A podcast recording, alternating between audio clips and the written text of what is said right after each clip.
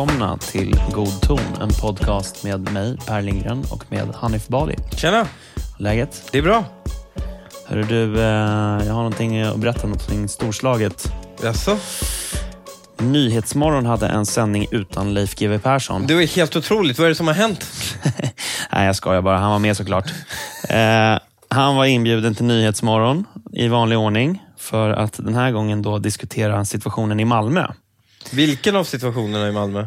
Ja, det finns ju några att, eh, att eh, välja mellan. Eh, men liksom det här som har föranlett att polisen har utlyst, vad, är det? Vad, heter, det? Särskild händelse.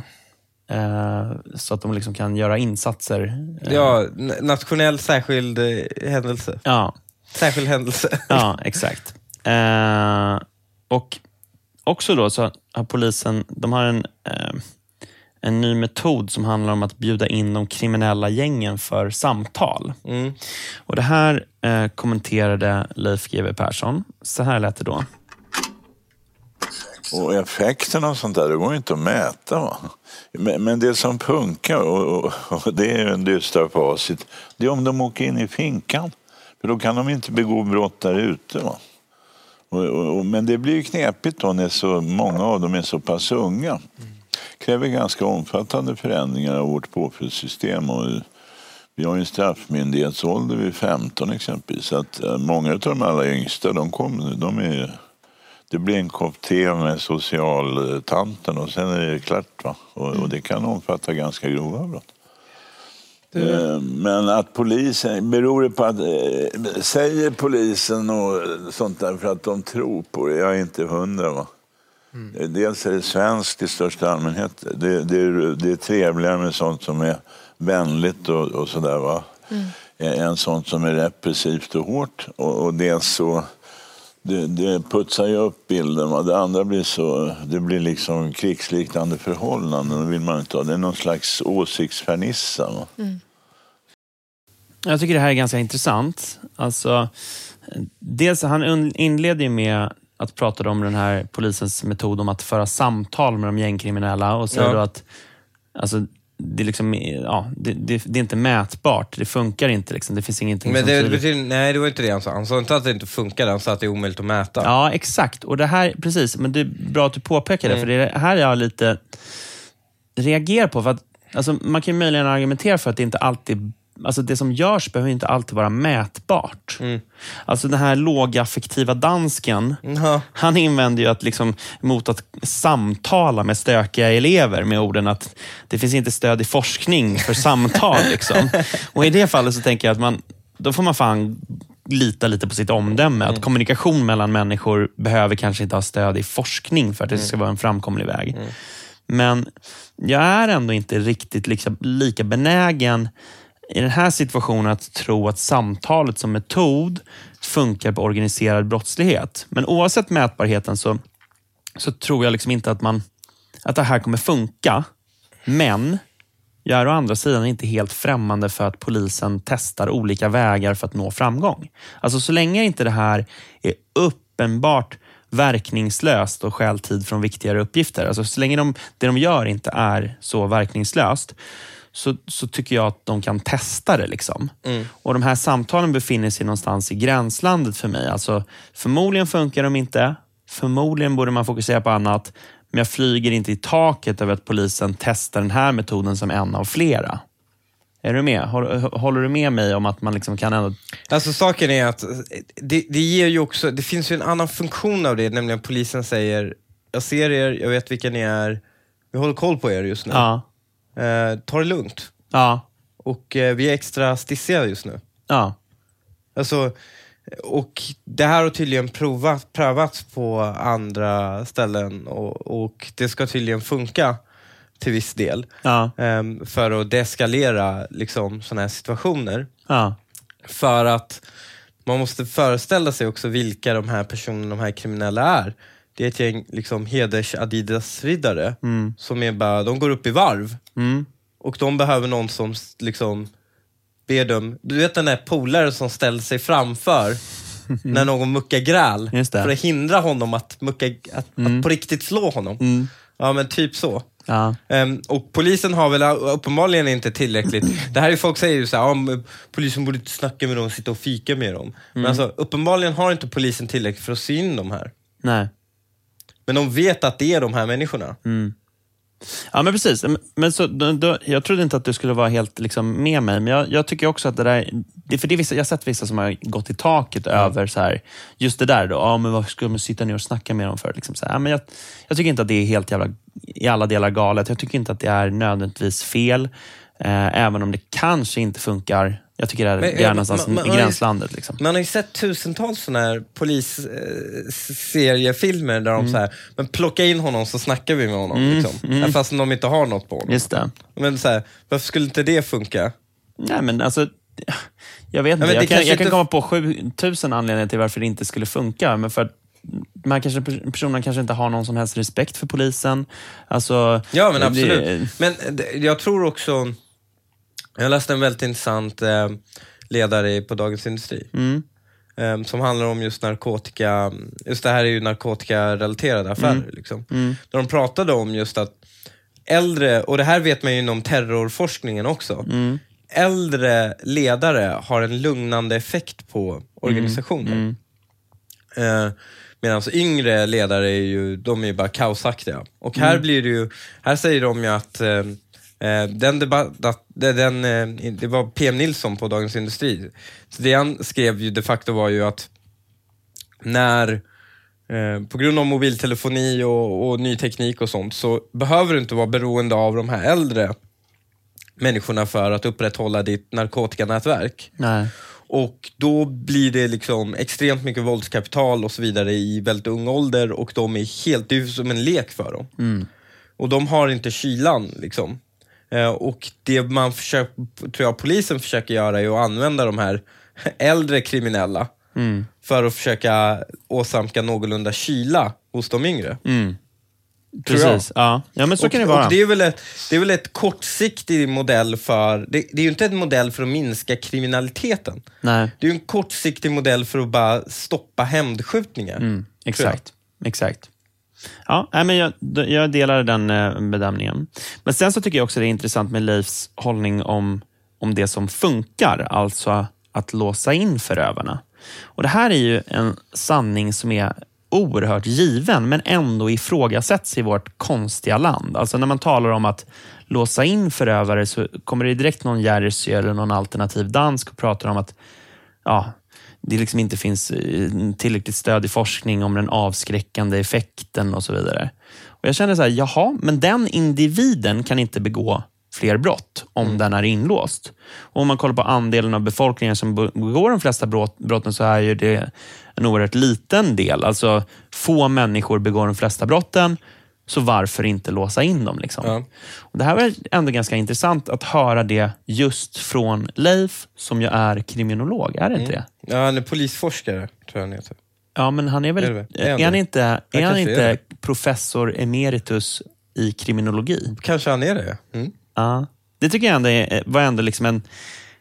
Någon slags, vad ska man säga, banbrytande på något Men sätt. man, skulle ju vilja ha ett rum med Leif GW och Jersey. Ja, och sen verkligen. bara kasta in lite brandfacklor. Ja, Se vad som händer. ja. Men, Och sen se vilka förolämpningar GW lyckas trumpa upp om, om, om, av Jersey. Liksom. Och samtidigt då som polisen har utlyst en nationell särskild händelse som ett liksom, ja, resultat av utvecklingen bland annat Malmö, så finns det vissa som ogillar att man pratar illa om Malmö. Alltså, Socialdemokraterna i Malmö söker en politisk sekreterare och i socia- sociala medier beskriver de att de, den de söker är citat, eh, alltså de skriver så här med orden är du trött på alla som pratar om bilden av Malmö? Och så fortsätter de eh, med att de söker, no söker någon som citat tröttnat på alla som bara letar fel och istället vill vara med och göra skillnad. Så liksom, det, det är alltså Polisen har utlyst en nationell särskild händelse. Det liksom sprängs mer i Sverige än i fan Afghanistan. Liksom. Och då, då söker de någon som är trött på hur man pratar om det här. Liksom. Men det här är, det här är ju ett, eh, det här är ett fenomen som har funnits väldigt, väldigt länge. Mm. Jag hade faktiskt tänkt ta upp det själv. Nämligen, ehm, det har varit, och det här är, det är jävligt intressant att följa nu. Det är väldigt många som är skakiga på grund av situationen i Malmö, Malmöbor särskilt. Och det är väldigt intressant att ha följt dessa människor en längre period. För bara ett par år sedan, så när du påpekade något negativt om Malmö, om Malmös utveckling, då gick de här människorna i taket. Då blev de så här, ni svartmålar vår kommun, det är Ja. så fantastiskt Ja. här. Är, ja, vi har våra problem men det är så fint och har ni köpt en liksom falafel för 10 kronor och, och du vet, det är allting liksom så här. De var så extremt defensiva. Ja. Och det första som gör mig suspekt att någonting är ett, en skithåla, det är när människor bara blir så extremt defensiva. Ja. Då vet du att det är, ett jävla råttställe alltså. alltså om någon skulle bara, "Äh, Solna är piss liksom. Så man bara, ah, fuck you. liksom, alltså det är verkligen så här, nej det är väl ganska nice. Typ, så här. Alltså, men när folk blir sådär emotionellt, bara så här, det är göteborgare och Malmö. Alltså, det är verkligen så här, ja det är en jävla håla. Det är så här, ingen annan blir så upprörd som ni blir upprörda när er lilla stad attackeras. Eh, och, och det får en att veta att det är någonting som är fel där. Ja. Och all fundamenta i Malmö har pekat åt fel håll. Ja. Medan hela idén har ju, det, det, som har varit normen är ju den här konstruktivistiska hållningen att bara vi pratar bra om Malmö Precis. så väcks någon magisk liksom, inkarnation av good things som sen kommer skölja över kommunen. Om alla bara har, har ett positivt förhållningssätt till kommunen så kommer allting bli bra i den här kommunen. Det är magiskt tänkande. Ja, och- Eh, och men det det, har här- varit norm. För då har ju frågan varit så här, men risk, vad, riskerar du inte förstöra den positiva utvecklingen som finns med att svartmåla Malmö? Så bara, hur ska någonting positivt förstöras? Av att du påpekar att det finns fel och Mm. brister. Alltså jag har aldrig varit med om att någonting håller på att bli skitbra och sen så tittar någon snett på den och så går den sönder. Förstår du? Det, det är helt bisarrt. Det är ju så här, det, det, det är ju vidskepligt tänkande. Ja. ja, men exakt det här är ju det som har skett, skett nu kring Staffanstorp. Alltså, man har liksom, eh, eh, det, det är många som har reagerat på att liksom Staffanstorp har pratat på fel sätt om Malmö. Liksom. Och därför kan liksom Malmö riskera att falla samman. Så liksom det obehagliga är liksom inte att det sprängs i Malmö, utan det är svartmålandet av Malmö som Staffanstorp sysslar med som är, som är det farliga. Så här lät det i Aktuellt. En reklamfilm som marknadsför skånska Staffanstorp har väckt starka känslor.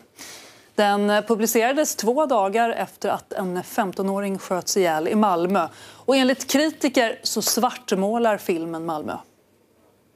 Och Den här filmen den inleds i svartvitt. Det är eh, stadsmiljö och en mamma går med sin dotter förbi vad som ska föreställa ett kriminellt ungdom, ungdomsgäng. Ja. Eh, Men det här ungdomsgänget känns, liksom, det känns mer som ett gäng i en brevfilm i programmet Bullen.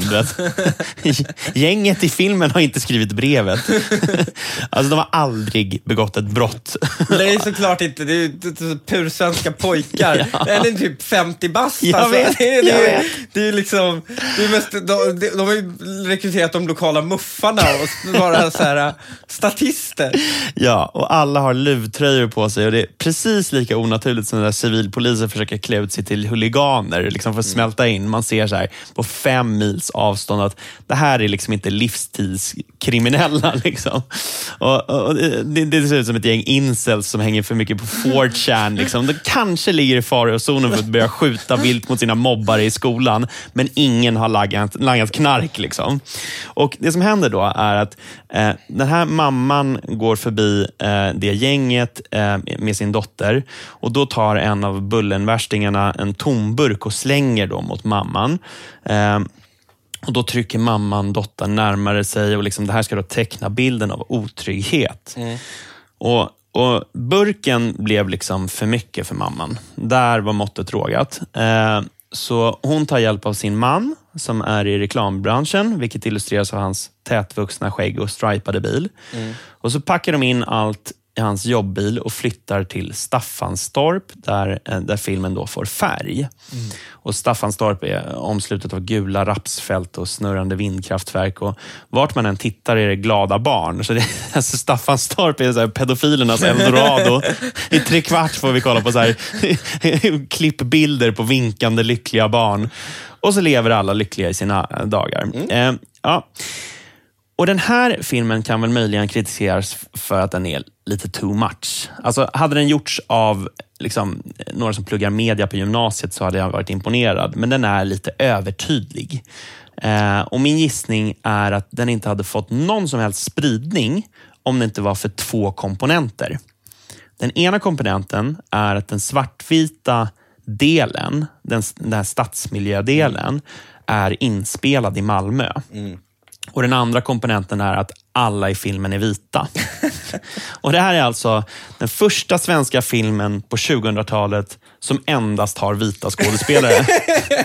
Så, alltså, det finns ett outtalat formkrav för att man ska ha minst två av tre Vadå, det ska vara en nigeriansk pappa, en kinesisk mamma, barnet ska vara aboriginer. Ja, men det där sen- är, det där och är sen- när, när Cavesa får liksom sin, sin, sin vilja Men igenom. det är ju, ja, du kan ju inte titta på en jävla reklamfilm idag utan att det är så här, verkligen de mest unika kombinationerna av exotiska kombinationerna Ja. som finns. Ja. Och ungen kan omöjligt vara avkomman av den här Nej, exotiska kombinationen utan det är någon adopterad unge från, en- från en del av världen som inte ens adopterar ut ungar. Exakt så. Men jag hävdar att det finns, det finns liksom några PK-rekvisit man måste ha uppfyllt. Alltså minst två av tre PK-rekvisit måste du ha uppfyllt för att en film inte ska vara unken i Sverige 2019. Och Det ena är, alltså ett, det ska finnas någon som är rasifierad. Två, någon måste ha en annan sexuell läggning än heterosexuell. Ja. Och det tredje är, någon måste bära slöja. Alltså minst två av tre, då är det så här, japp, du dodge that bullet, annars Okej. är du rasist eller sexist eller någonting De annat. borde bara tagit in oss som konsulter när de gjorde den här. Ja. Då borde de bara gjort så att de i det här gänget, en har slöja, en är svart, en är invandrare Ja. och sen så är det här paret som flyttar ifrån vita, homosexuella liksom, reklamare med en dotter. Hade det funkat bättre? Ja, det, hade, hade, jag, tror att, jag tror att det som gör det komplicerat är att de vita som flyttar är homosexuella. Då är det, så här, mm, det blir ändå så här OK. Men om det är ett gäng till invandrare och resten är vita, då är det fan inte OK. Ja, men det, det, det är ju det, så jag fattar inte så här, och det är bara vita i Mm. filmen. Så bara, men hade det varit bättre om den var realistisk?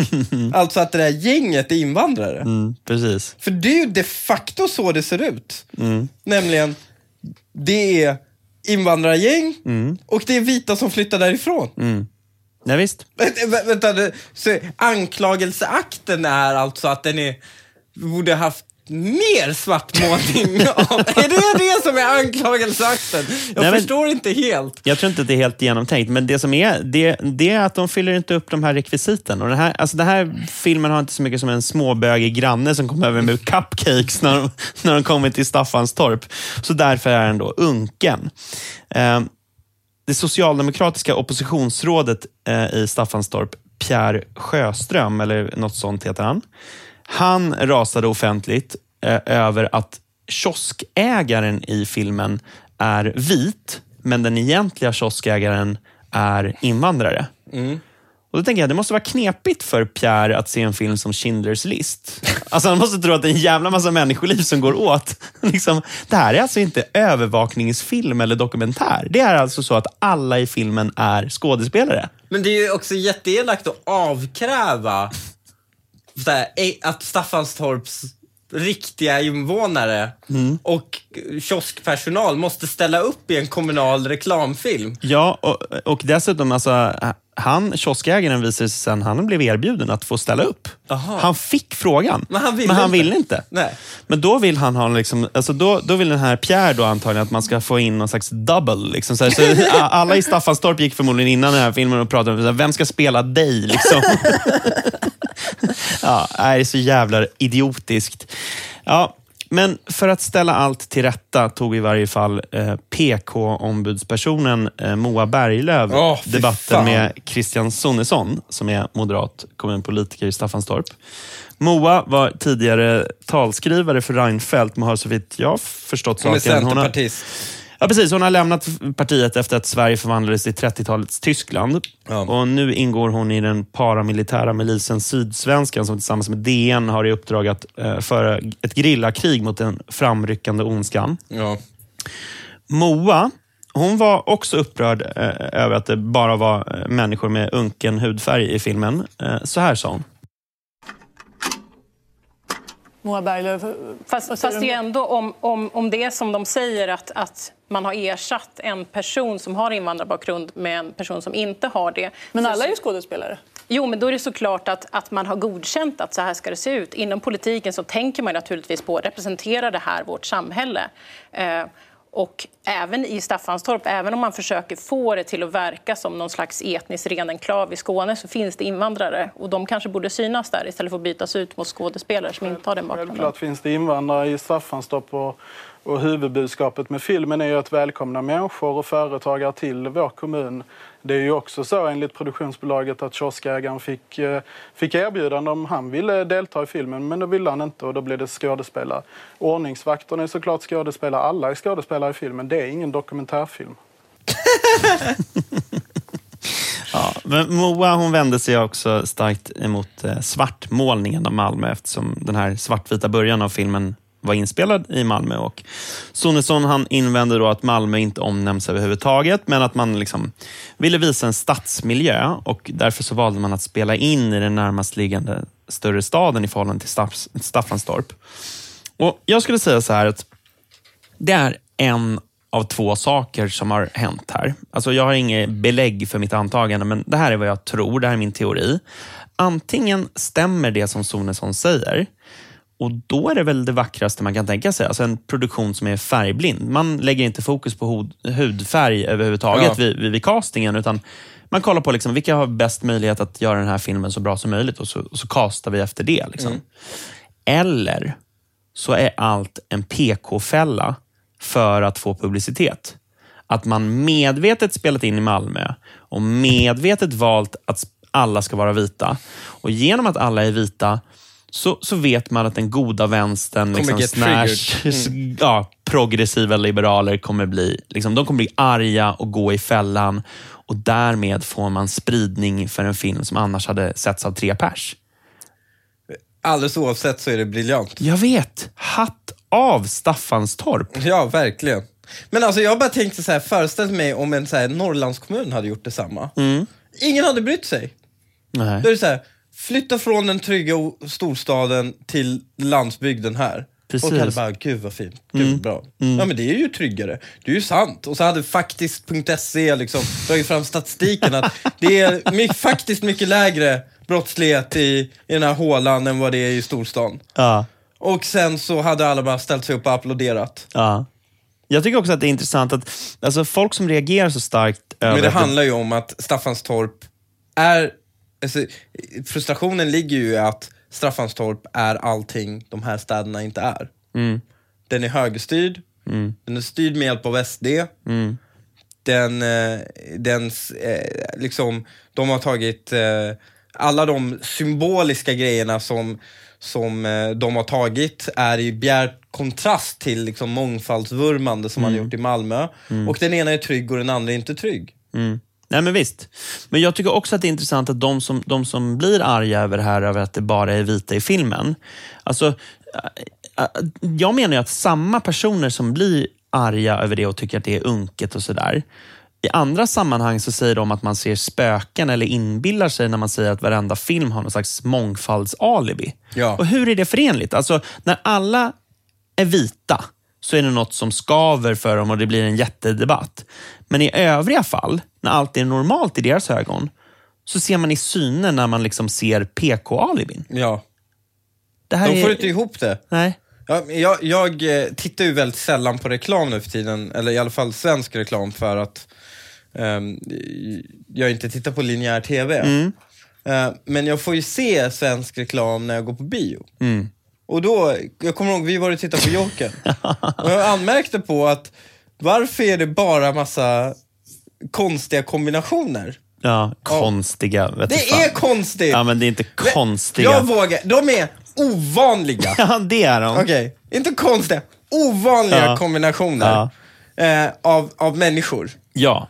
Och man kan ju tycka att här, om det är representation som är viktig, då är ju jättemånga underrepresenterade för att den här gruppen är ju då extremt överrepresenterade. Folk som gifter sig på, liksom, med personen de träffar på terminal 5 på Heathrow. Just det. Det, alltså, det är väl endast så man kan liksom normalt sett skapa de här magiska kombinationerna i övrigt. Liksom. Ja. För det intressanta är, folk pratar om liksom, mångfald och blanda upp och, och massor av, av sådana saker. Men av det jag kan se av statistiken så har alltså mångfalden minskat. Alltså folk gifter sig i lägre utsträckning mellan då etniciteter nu än vad man gjorde tidigare. Är det sant? Ja, och man borde ju tycka att det skulle öka, Ja. men det gör inte det. Det minskar. Nämligen, när invandrarpopulationer blir tillräckligt stora så börjar de bara gifta sig med varandra. Ah. Eh, alternativt gifta sig. Eh, och här är ju statistiken lite trubbig, för om man tittar bara på inrikesfödda så ser man att men det är en marginell ökning av eh, inrikesfödda med, liksom, alltså om man tittar på barn till exempel, så här, inrikesfödda med en inrikes och en utrikesfödd förälder. Så att det är en marginell ökning av det, jätteliten ökning av det. Ehm, inte alls i proportion till till exempel ökningen av utrikesfödda, vilket det borde vara. Men vad som sker då är ju att en del av de här inrikesfödda är ju också människor som själva har invandrarbakgrund. Så till exempel, om jag skulle, eh, om jag skulle få barn med en, eh, med en tjej som vars båda föräldrar är iranier, men hon är född här. Då skulle det, vårt barn räknas som ett blandbarn då, mellan inrikes och utrikesfödd. Ja, okej. Men det är ju inte ett så att säga, etniskt blandbarn. Nej. Utan då, har jag, bara, jag har ju bara reproducerat mig inom min etnicitet. Mm. Och hela den här blanda upp grejen som, som det är som är så himla viktigt att ha i de här reklamfilmerna verkar det det. som. Ehm, det, som. Som den statistik jag lyckas kunna dra ut så visar det sig att det minskar. Det är jävligt intressant, för då pratar man alltså... Det, det är ofta de pratar i termer av vad som är modernt. Ja. Då är alltså det omodernt helt enkelt. Ja, det nya är att alla invandrare gifter sig med varandra inom sin grupp och alla svenskar gifter sig med varandra och, och, och that's it. Men om man tittar på liksom Malmös Eh, och det fick mig att börja titta på Malmös statistik. Eh, Ja. Lite så. Och där har ju till exempel en stor ökning har varit eh, av, av utrikesfödda från ehm, Ehm, eh, när man tittar på ja, både män och kvinnor från 2002 så var 24 procent av Malmö eh, utrikesfödd. Och nu har det ökat till 33 procent. Och sen inrikesfödda med två utrikesfödda föräldrar har gått från 7 procent till 12 procent. Eh, inrikesfödda med en inrikes och en utrikesfödd förälder eh, har gått från då, eh, 0,7 procent till 0,8 procent ungefär. Ehm, och sen så kommer det intressanta då. Så andelen inrikesfödda med två inrikesfödda föräldrar. Alltså det är ju den, ungefär det bästa sättet vi vet, i och med att man inte loggar etnicitetet. Men det är liksom ungefär det bästa sättet vi vet i Sverige hur vi, för att kunna identifiera den svenska gruppen. Helt enkelt. Eh, så är, har det gått från, alltså 2002 var det 61 procent med svensk bakgrund. Vilket är, alltså det är, inte, det är inte alls högt. Det är, det är ganska lågt i relation till riket. Men det har gått ner till 45 procent nu. Shit. Men det intressanta är ju när du tittar på just gruppen under 20 år. För tittar du på gruppen under 20 år så är andelen inrikesfödda med två inrikesföräldrar, där, pratar, där är vi nere i 33 procent. Så alltså, eh, det finns inga svenskar kvar i Malmö. Jag är helt chockad över att de har lyckats hitta vita statister i Malmö. Nej, men det är inte i Malmö, det är Staffanstorp. Exakt. Alla har ju åkt med sina liksom, Och- skäggiga karlar Ja, till vad, har, Staffanstorp. sk- vad som har skett är ju white flight. Ja. Och det är inte bara white flight, utan även invandrare med pengar Ja, ja, har flyttat därifrån. Ja. Men det är bara att Malmö producerar inte lika många invandrare med pengar i proportion till resten. Nej. För att Malmö är en jävla skitstad. Och det har De här, måste, de här människorna erkänna att de är en jävla håla. Men det är det. det. Det är en sunkig stad som har blivit mismanaged i 40 år. Och då kan de ju hålla hur många jävla street dance-festivaler de vill. De kan hålla hur mycket, liksom bygga om hur många hamnområden de vill. De kan eh, liksom låtsas vara kontinenten hur mycket de vill och de kan låtsas vara hur nära Köpenhamn de vill. Det ändrar inte det faktum att Malmö är den, en av de städerna i, i Sverige där du har högst andel av den arbetsföra befolkningen som lever på socialbidrag. Mm. Liksom, det ändrar, alltså det, vi kan ju förneka det faktumet. Vi kan ju gräva ner den statistiken, vi kan låtsas som att den inte finns. Det kommer inte ändra någonting. Det är ju det här magiska tänkandet och tro att om man bara pra, pratar bra om den här eh, kommunen så kommer det bli bättre. Och ungefär så resonerar också den politiska ledningen.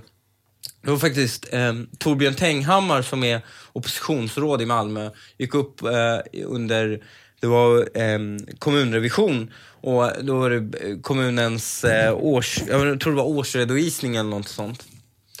Där man pratade om alla problem, om, om Malmö hade problem eller utmaningar eller något sånt. Och så hela, hela politiska ledningens slutsats var så här, Malmö har inga problem.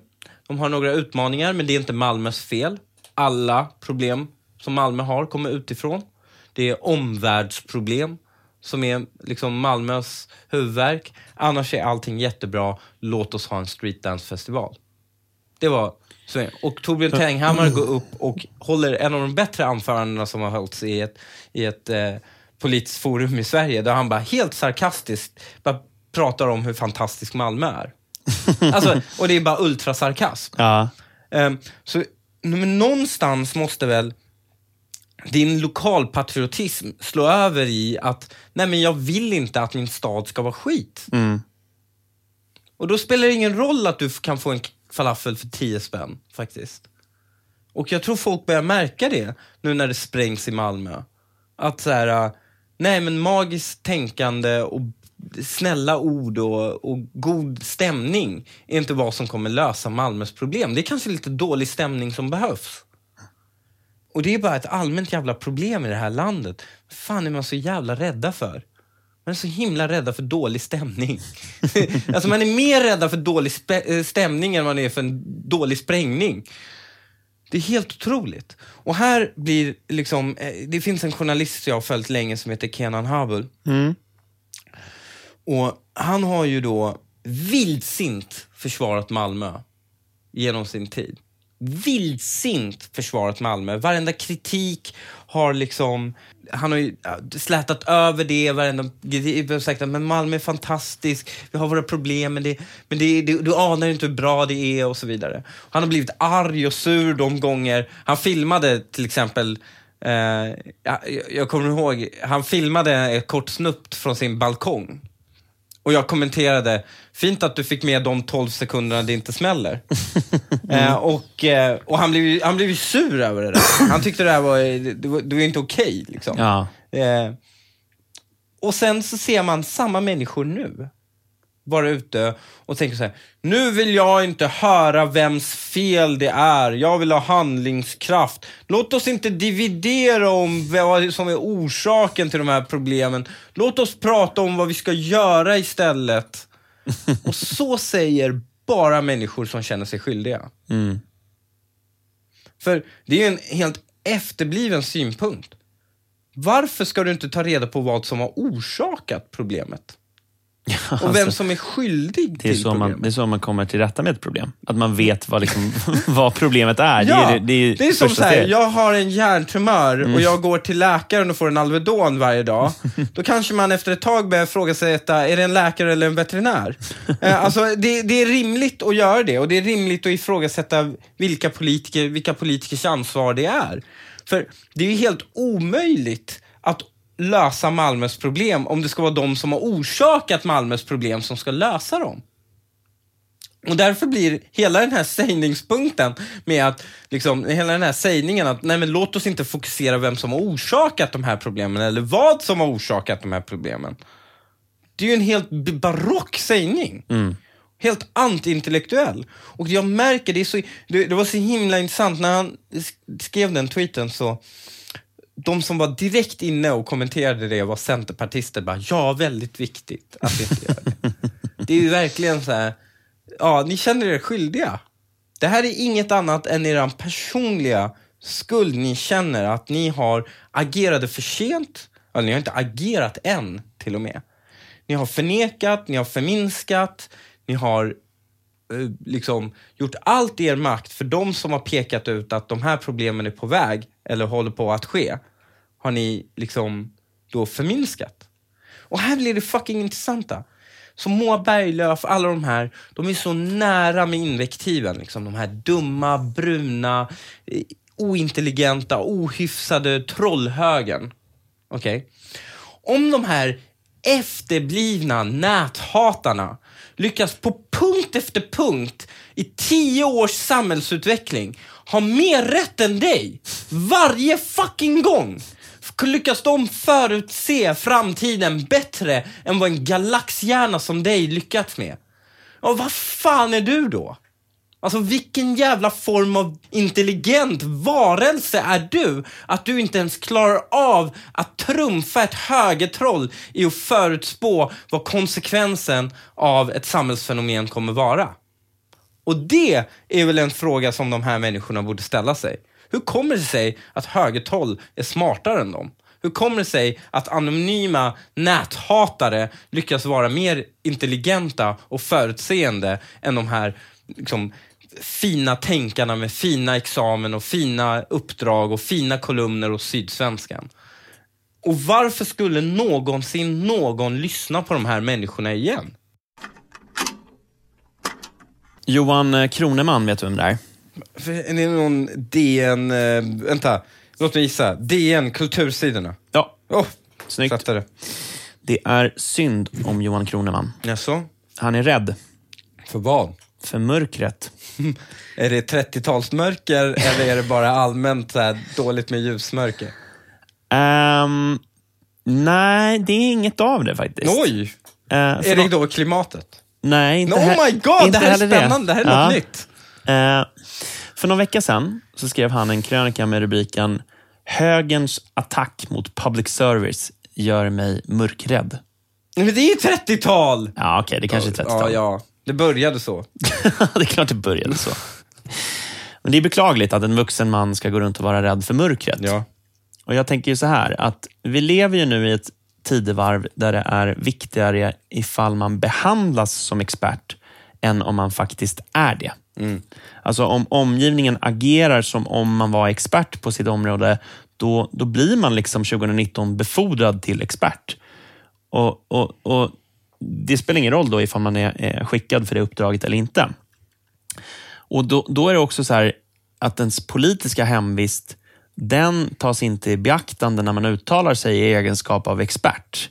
Och Det är därför då Agenda kan bjuda in en sosse som får prata om Moderaternas skattepolitik, men man nämner inte att hon är sosse, utan hon uttalar sig i egenskap av expert. Ja. Därför undrar jag Hanif, är inte jag lite psykologiexperten då? Det tycker jag. Ja, men bra. För Jag tycker själv att jag, jag har ändå legat tårögd på eh, plyschdivaner tillräckligt många gånger för att, för att kunna se mig som expert på det här området. Så nu har du bemyndigat mig till eh, psykologiexpert. Ja. Och vi ska ju bortse från att jag är moderat. Nu uttalar jag mig i egenskap av expert inom psykologi. Jag hämtar den här public service-suddigummit som Bra. finns så att tar bort alla relevanta titlar. Ja, bra.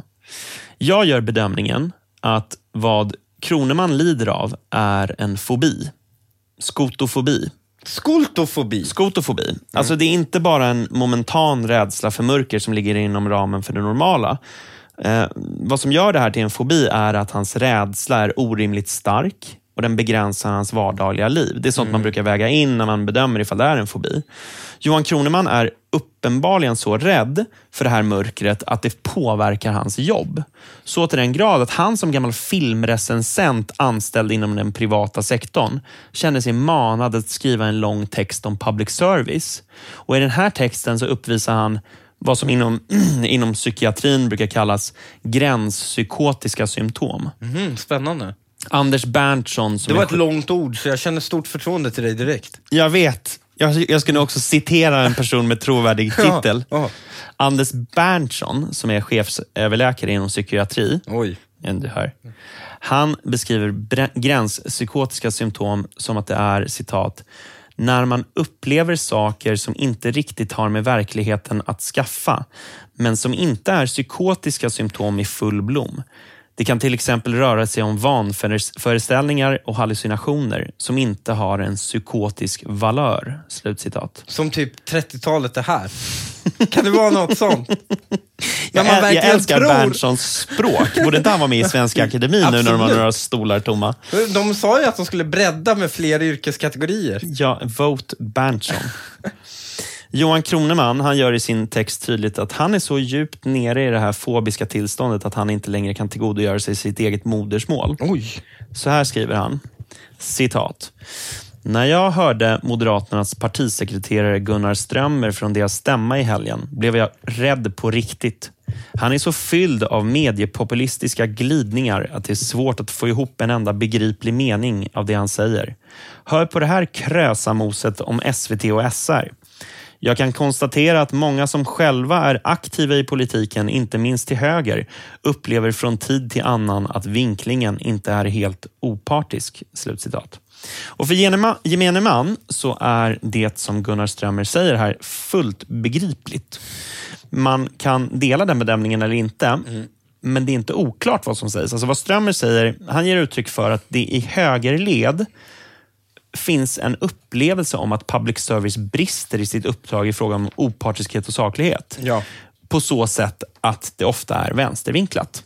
Ja. Och Det kan man liksom hålla med om eller inte, men, men det är inte på något sätt obegripligt det han säger. Nej.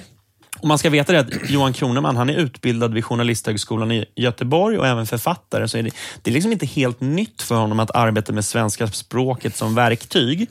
Men omsluten av fobins kvävande mörker så blir alltså pedagogisk och fullt begriplig svenska svårtillgänglig materia för Kroneman. Och jag har läst Kronemans text tre gånger.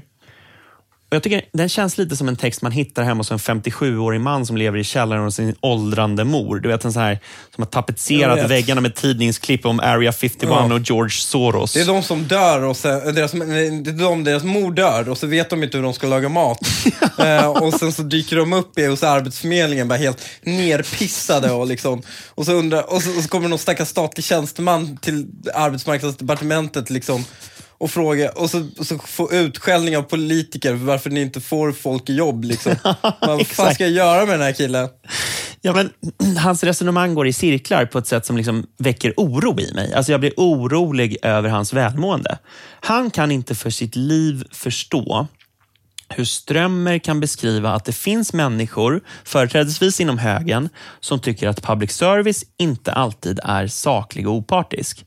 Men sen landar han själv i ett resonemang om att medierna generellt idag är högervridna.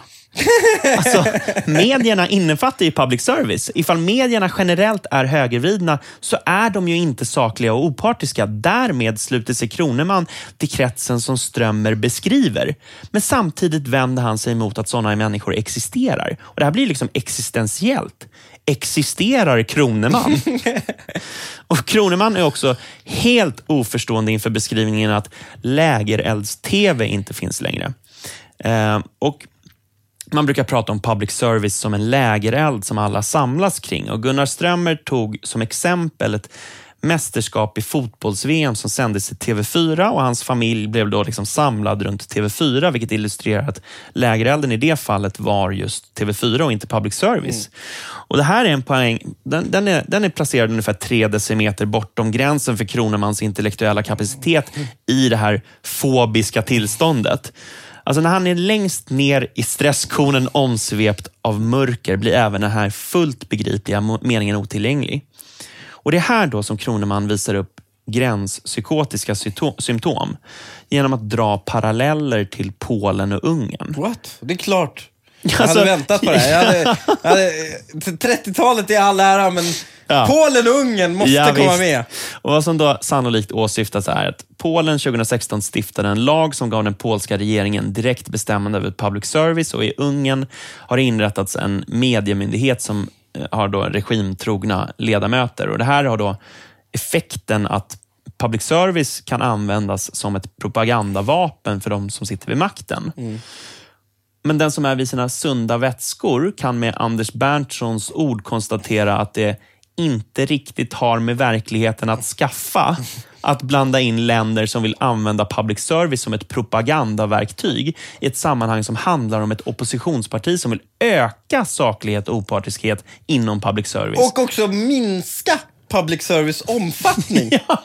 Sa du? Om, det är så att vi vill använda det som propagandaverktyg, då hade vi väl velat utöka Ja. dess omfattning. Ja, detta är begripligt för min salig hamster, men det ligger liksom bortom Kronemans förvirrade eh, fattningsförmåga.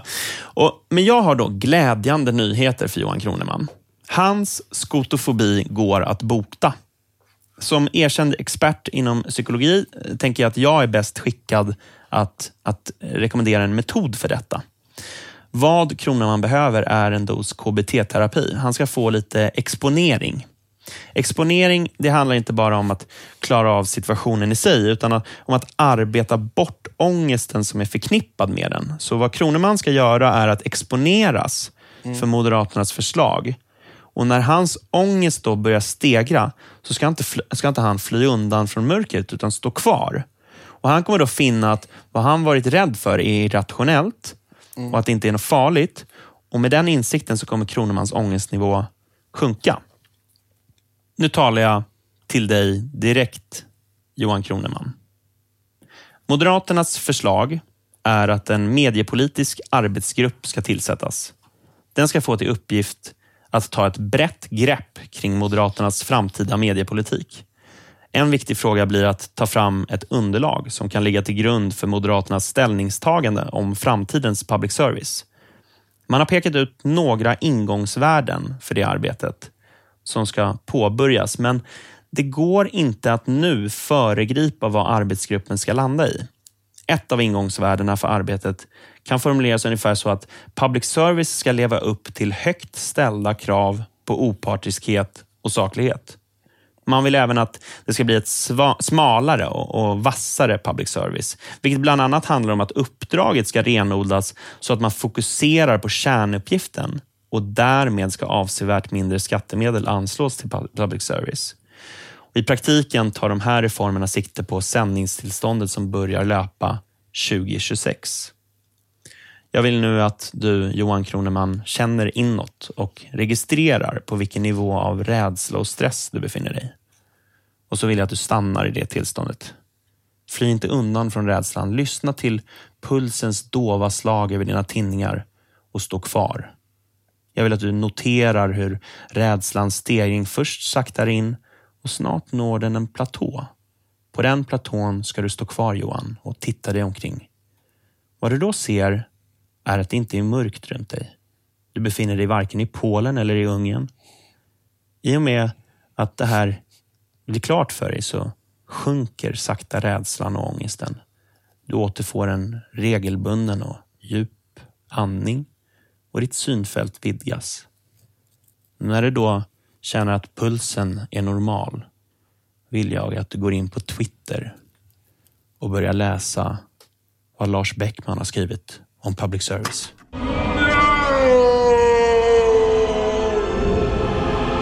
Nej, nej, nej, nej, nej, nej, nej, nej, jag skojar bara. Håll dig borta från, från, från, från Lars Bäckman. Du är inte redo för det. Du är inte rustad för det, men det är få som är det å andra sidan. Det, det där är svårt alltså. Ja, det, det är Va- nästa steg. Det, det, det, vad var det som ni kallade det? Det är tuff tobak. Tuff tobak. Stark tobak. Stark tobak. Det är Lars Bäckmans, eh, Lars Bäckmans Twitter om public service. Och det här är att använda, använda parentes runt Mm. varenda gång ordet S. Alltså bokstaven S Just används så lägger han en parentes Ja. runt det. Ja. Sverige, så lägger han alltid ett parentes runt S. Så det blir Ja, så. en spetsig satir. Ja. Samma vecka så skrevs det en enormt lång artikel eh, i DN med rubriken SVT-chefer. Så tänker vi utveckla journalistiken i public service. Och undertecknade var Helena Olsson som är beställare för nyheter, samhälle och dokumentär för SVT och Jan Helin som är mediedirektör för SVT. Alltså vem skulle du säga står högst hierarkiskt av de två? Den ena är beställare av nyheter, samhälle och dokumentär och den andra är mediedirektör. Jag vågar påstå mediedirektören borde vara, eller? Och om en debattartikel skulle skrivas med dig och Ulf Kristersson, vems namn skulle stå högst upp då? Eh, Ulf. Mm. Jag var inne och kollade på organisationsschemat för SVT på deras hemsida och eh, Eh, kan konstatera att bland de nio personer som ingår i företagsledningen så finns inte Helena Olsson med, vilket Jan Helin gör. Men ändå står hennes namn först. Och Jag menar att det här inte är en tillfällighet. Det är ett politiskt ställningstagande. Varför Olsson står före Helin är på grund av deras syn på jämställdhet. Helin har snopp, vilket är omodernt och unket. Olsson har ett modernt och progressivt kön, så hon får stå först. Ja. Och Det är alltså min borgerliga blick och syn på public service som gör att jag kommer till det här antagandet. Jag är färgad av mina politiska åsikter och min uppfattning om public service så till den grad att liksom min analys står inte fri från påverkan av mina politiska åsikter. Så fungerar vi människor, oavsett om man är från högern eller vänstern. Och Jag ska nu inte plöja igenom varje detalj i den här oerhört långa texten, utan jag tänkte göra några nedslag. I början av texten skriver de Debatten ångar dock på i gamla hjulspår om hur demokratin på något sätt skulle stärkas om SVTs breda program skulle bli smala. I debatten är det som om medieutvecklingen stått still. Vi säger här istället välkomna till den viktiga och svåra diskussionen om public service. Den om utvecklingen av journalistiken. Det här menar jag är ett ganska upp och nedvänt perspektiv. Alltså om ett sjukhus skulle lägga skattebetalarnas pengar på att bygga skateboardramper och en två meter hög bronsstaty av Gustav Vasa, då, då hade man ju med visst fog som skattebetalare eller politiskt parti kunnat invända och att liksom, ja, här behöver ni börja fokusera på kärnverksamheten Vad istället. pratar du om? Det är ju att, det är den moderna medicinen. Vi måste ha en diskussion om den moderna medicinen. Och skateboardramper är ju en del av en utveckling av den moderna medicinen. Just det. Man skulle möjligen kunna säga att det kan ju finnas en diskussion, men då kanske den diskussionen ska handla snarare om vad är kärnverksamheten? Hur ska den formuleras? Vilket uppdrag ska då liksom i det här exemplet sjukvården ha idag? Vad Jan Helin och hans könsmässigt överordnade kollega Helena Olsson anför är ett argument som motsvarar att sjukhuset skulle säga hur blir vården bättre av att vi smalar av vårt uppdrag? Och Det menar jag är en felställd fråga. Alltså den korrekta frågan är, hur fan blir vården bättre av att ni bygger en skateboardramp på en jävla staty av Gustav Vasa? Alltså I SVTs fall så blir frågan, hur i helvete blir demokratin starkare av att man sänder program som Sveriges fetaste hundar? Och det är med andra ord SVT som är svaret skyldiga, inte de som ifrågasätter vad SVT sysslar med. Och Genomgående blir det tydligt hur totalt oförstående man är inför sina kritiker. Och Det här menar jag i sig är ett problem. Det är ett uttryck för den bubblan de här människorna befinner sig i. Jag själv befinner mig i en bubbla. Alltså I min bubbla då behöver man säga två eller max tre kritiska ord om public service för att folk ska börja nicka medhållande. Och liksom så homogena är man i min bubbla. Och Det kan man ju tycka är problematiskt, men det är inte ens nära så problematiskt som det faktum att deras bubbla är man precis lika homogen inom. Och Det ligger liksom i deras uppdrag att inte vara så homogena. Eh, filosofen Ludwig Wittgenstein, han sa, om ett lejon kunde tala så kunde vi inte förstå det. Och Jag kanske har fel, men jag tolkar det här citatet som att det handlar om gemensamma referensramar. Det är liksom för stor barriär mellan en människa och ett lejon för att man ska kunna förstå varandra även om vi talade samma språk. Ja. Precis på samma sätt är det att blir det liksom tydligt att för en SVT-chef är det omöjligt att förstå en kritisk borgerlig röst även om man talar svenska. De skriver, eh, som jag tidigare- tidigare sa, då, att, att debatten handlar om hur demokratin på något sätt skulle stärkas om SVTs breda program skulle bli smala. Så uppfattar de liksom sina kritiker. Och Då kan jag berätta att det är inte så att det sitter en massa borgare ute i landet och hoppas på att breda produktioner som Allsång på Skansen ska bli smala, svartvita liksom, dokumentärer om experimentell jazz. Alltså, det är ingen som vänder sig mot bredden i den bemärkelsen. Alltså, vad som åsyftas med ett smalare public service är att uppdraget ska vara sånt att public service ägnar sig åt kärnverksamheten istället för en massa trams. Och Det är ett rimligt antagande att en produktion som Sveriges fetaste hundar skulle inte rymmas inom vad gemene borgare skulle säga är kärnuppdraget. Vad Olsson och Helin också gör är att skapa en halmgubbe kring att det skulle finnas ett ogillande mot folkkära program. De skriver så här det är helt okej okay att inte gilla folkkära program. Men det är också helt ointressant som mediekritik ur ett demokratiskt perspektiv. Alltså, det? Det, är, det? är, inte så att borgare i breda lager går runt och hatar Mellon. Det är ju, mell, det är ju borgarna som bär upp Mellon. Ja. ja. Och Vad man också kan säga om deras text är att den dels vittnar om deras oerhört skeva självbild, dels om en oerhört skev samtidsanalys.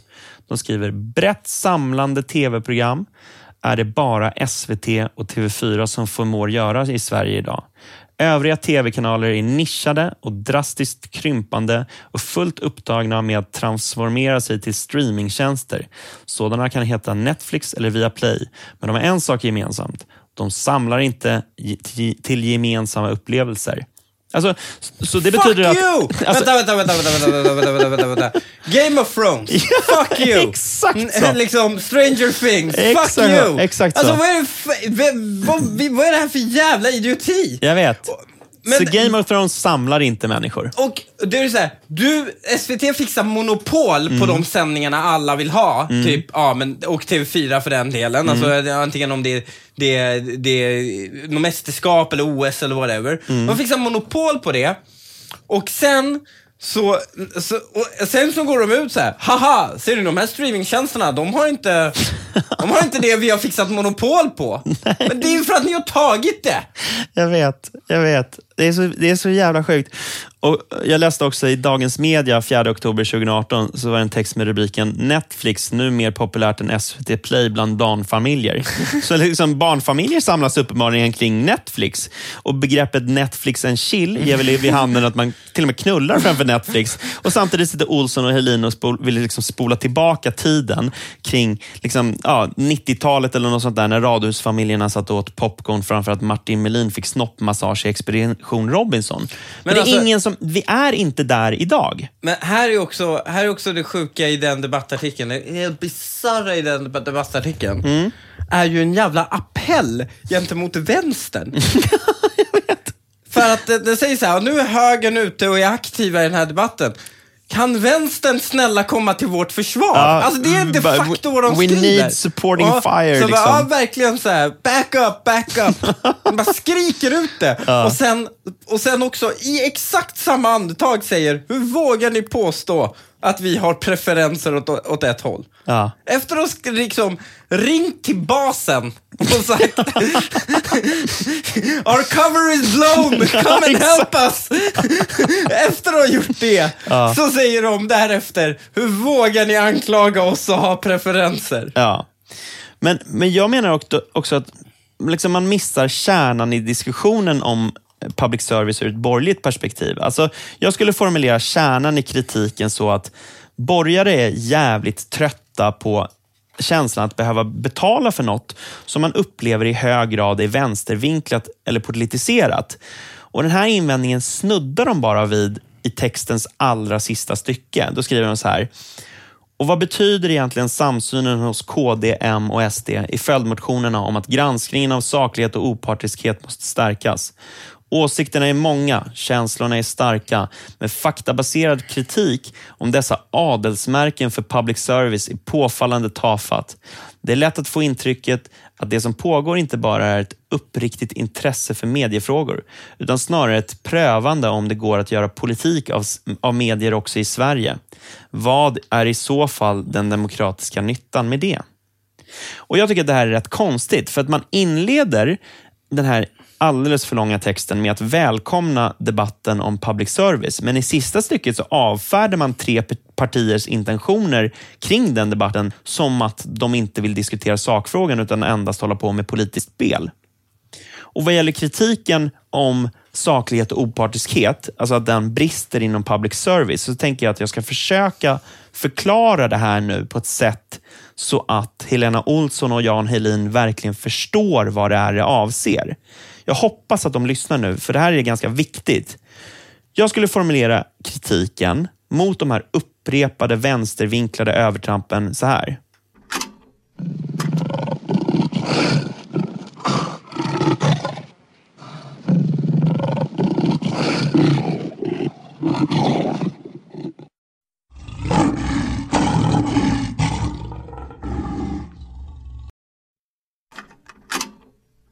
Jag har en sista grej. Det, vi förlänger avsnittet, men vi får ju bestämma hur långa avsnitten ska vara. Ja, Men absolut. jag har, jag lackar på en grej. Mm. Ehm, och det är eh, SD-svansen. Berätta. jag. Men jag vill ju inte kalla det för en svans, det är ju inte en SD-svans. Men det, är ju, det, det, det finns ju så att säga NPC-ande inom alla grupper. Vad är NPC-ande? Non-playable character. Alltså, alla har vi spelat dataspel där det är en karaktär i det här spelet som inte är en person. Just det. Det är, ett, det, är, det, är liksom, det är en kod, den styrs av datorn. Och den är förutsägbar och den kommer agera, du vet exakt vad den kommer säga och hur den kommer agera och den kommer agera likadant varje gång du interagerar med den. Just det. Eh, och det är en non-playable character. och så många inom det politiska fältet är ju non-playable characters. alltså Moa, Moa Berglöf exempelvis, hon är ju en non-playable, äh, du kan på förhand veta vad hon ska säga. Hon är skriptad liksom. Och du kan enkelt också förstöra det här skriptet genom att slänga in lite, lite konstiga variabler.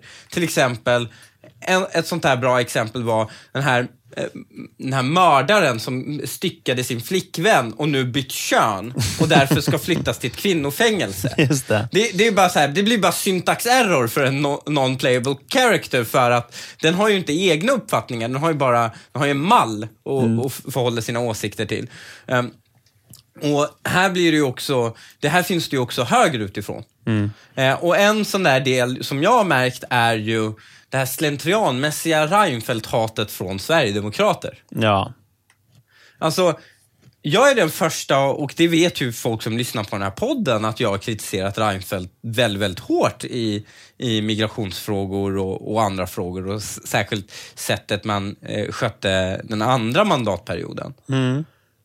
Men det här bara slentrianmässiga Reinfeldt-hatet bara är så jävla NPC-ande. Och jag ska förklara varför det är det. Så KD hade riksting. Just det. Eh, och under det här rikstinget, då hade de ju bjudit in Göran Hägglund och, och allting sånt och man tog en ny migrationspolitik och Ebba gick upp och höll tal och man pratade om tiggeri, bla bla bla. Det var liksom massor av så frågor.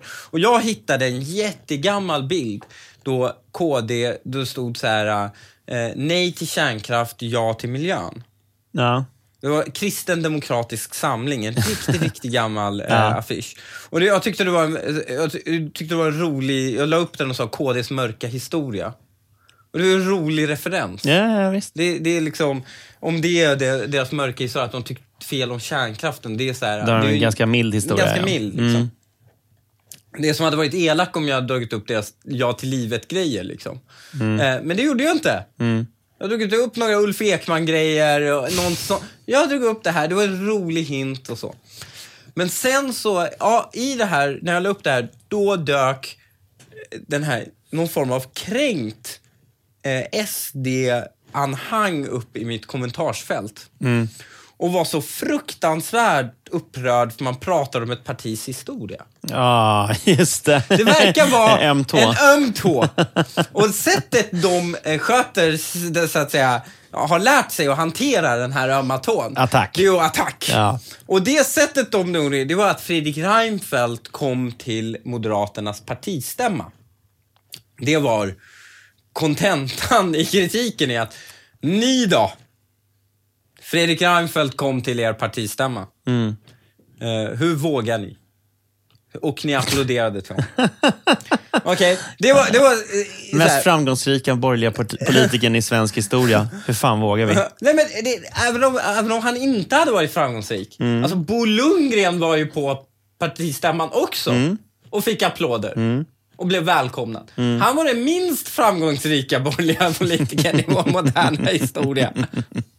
Jag menar, det, det är bara en sån här artig grej man gör. Ja. Du vet. Men det som är NPC i kritiken Mm. är ju att ingen går runt och är arg på att Göran Hägglund var på KDs. Nej. Utan de tycker Ebba är bra. Hon pratar med SD. Just det, de har käkat köttbullar. De käkar köttbullar. Fan, Ebba bra.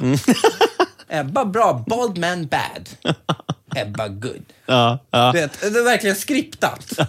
Och då är det så här, vad är det Göran Hägglund gjorde som Reinfeldt Alltså vad är det Göran Hägglund inte gjorde som Reinfeldt gjorde? Alltså, de, de satt i samma fucking regering. De tog exakt samma jävla fucking beslut. De skrev under på... Du, du är snarare, Göran Hägglund kämpade ju mot Fredrik Reinfeldt när Fredrik Reinfeldt ville skärpa anhöriginvandringen. Då är det så här, samma sak med Jan Björklund, eh, Maud Olofsson.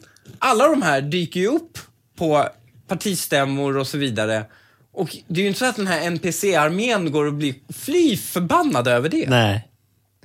Ja, men Reinfeldt har blivit en symbol för dem. Liksom. Ja, bald man bad. Exakt. Det, det är ju den, den amerikanska, liksom, den här Trump derangement syndrome som finns där. Och så, orange man bad. Orange man bad. Och det här är motsvarande, bald man bad. Ja.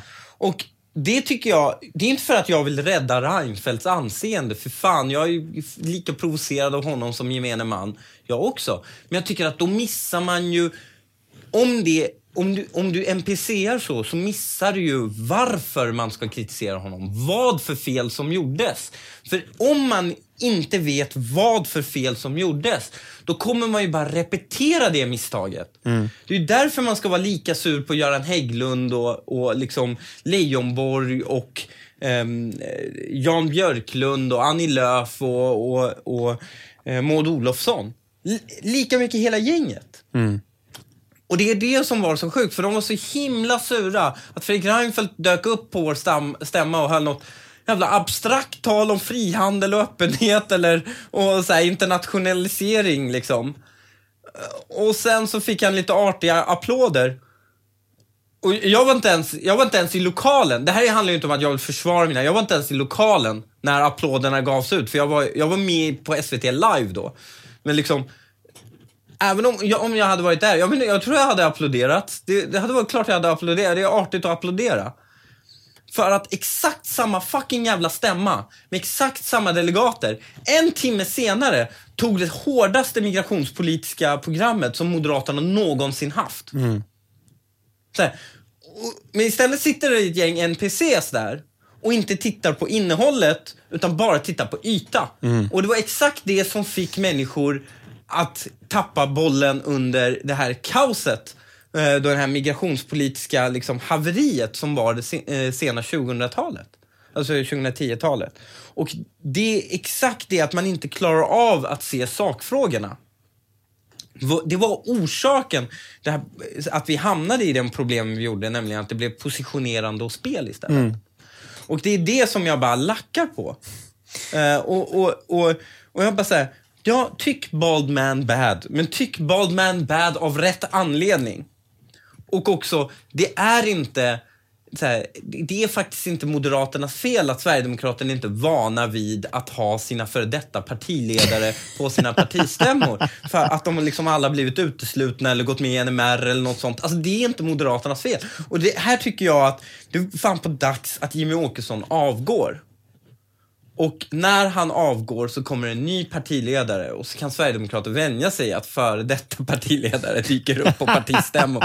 Och även om samhällsutvecklingen har gått åt ett annat håll än på den tiden han bedrev sin, sin linje så kan man liksom applådera artigt och gå vidare i livet och sen banka igenom den politiken som är relevant för tillfället.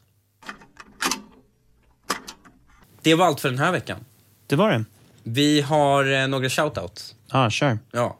Erik Flodman, Johan Karlsson, Johan Myrén, Joakim Sparr, Fredrik Engberg, David Holmqvist, Daniel Lystad, Roland Mattiasson, Theodor Malmborg, Viktor Wallin, Malin Tillman, Jonathan Kecker. Checker?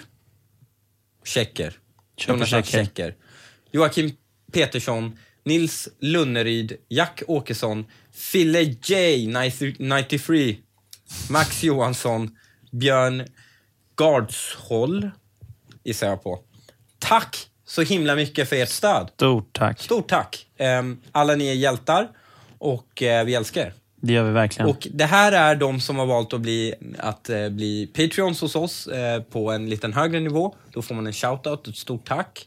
Och sen så, eh, ni som också vill bli Patreons, ni går in på patreon.com godton och varenda litet bidrag ni ger hjälper oss otroligt mycket. Eh, och till er som är Patreons, stort tack! Ni som vill följa oss eh, lite, liksom få lite ja, bildmaterial till det innehållet vi släpper. Ni kan gå in på Instagram, god-ton och följa oss där. Men det var allt för den här veckan. Ja, men det var det. Ja, men då syns vi nästa vecka. Det gör vi. Tja.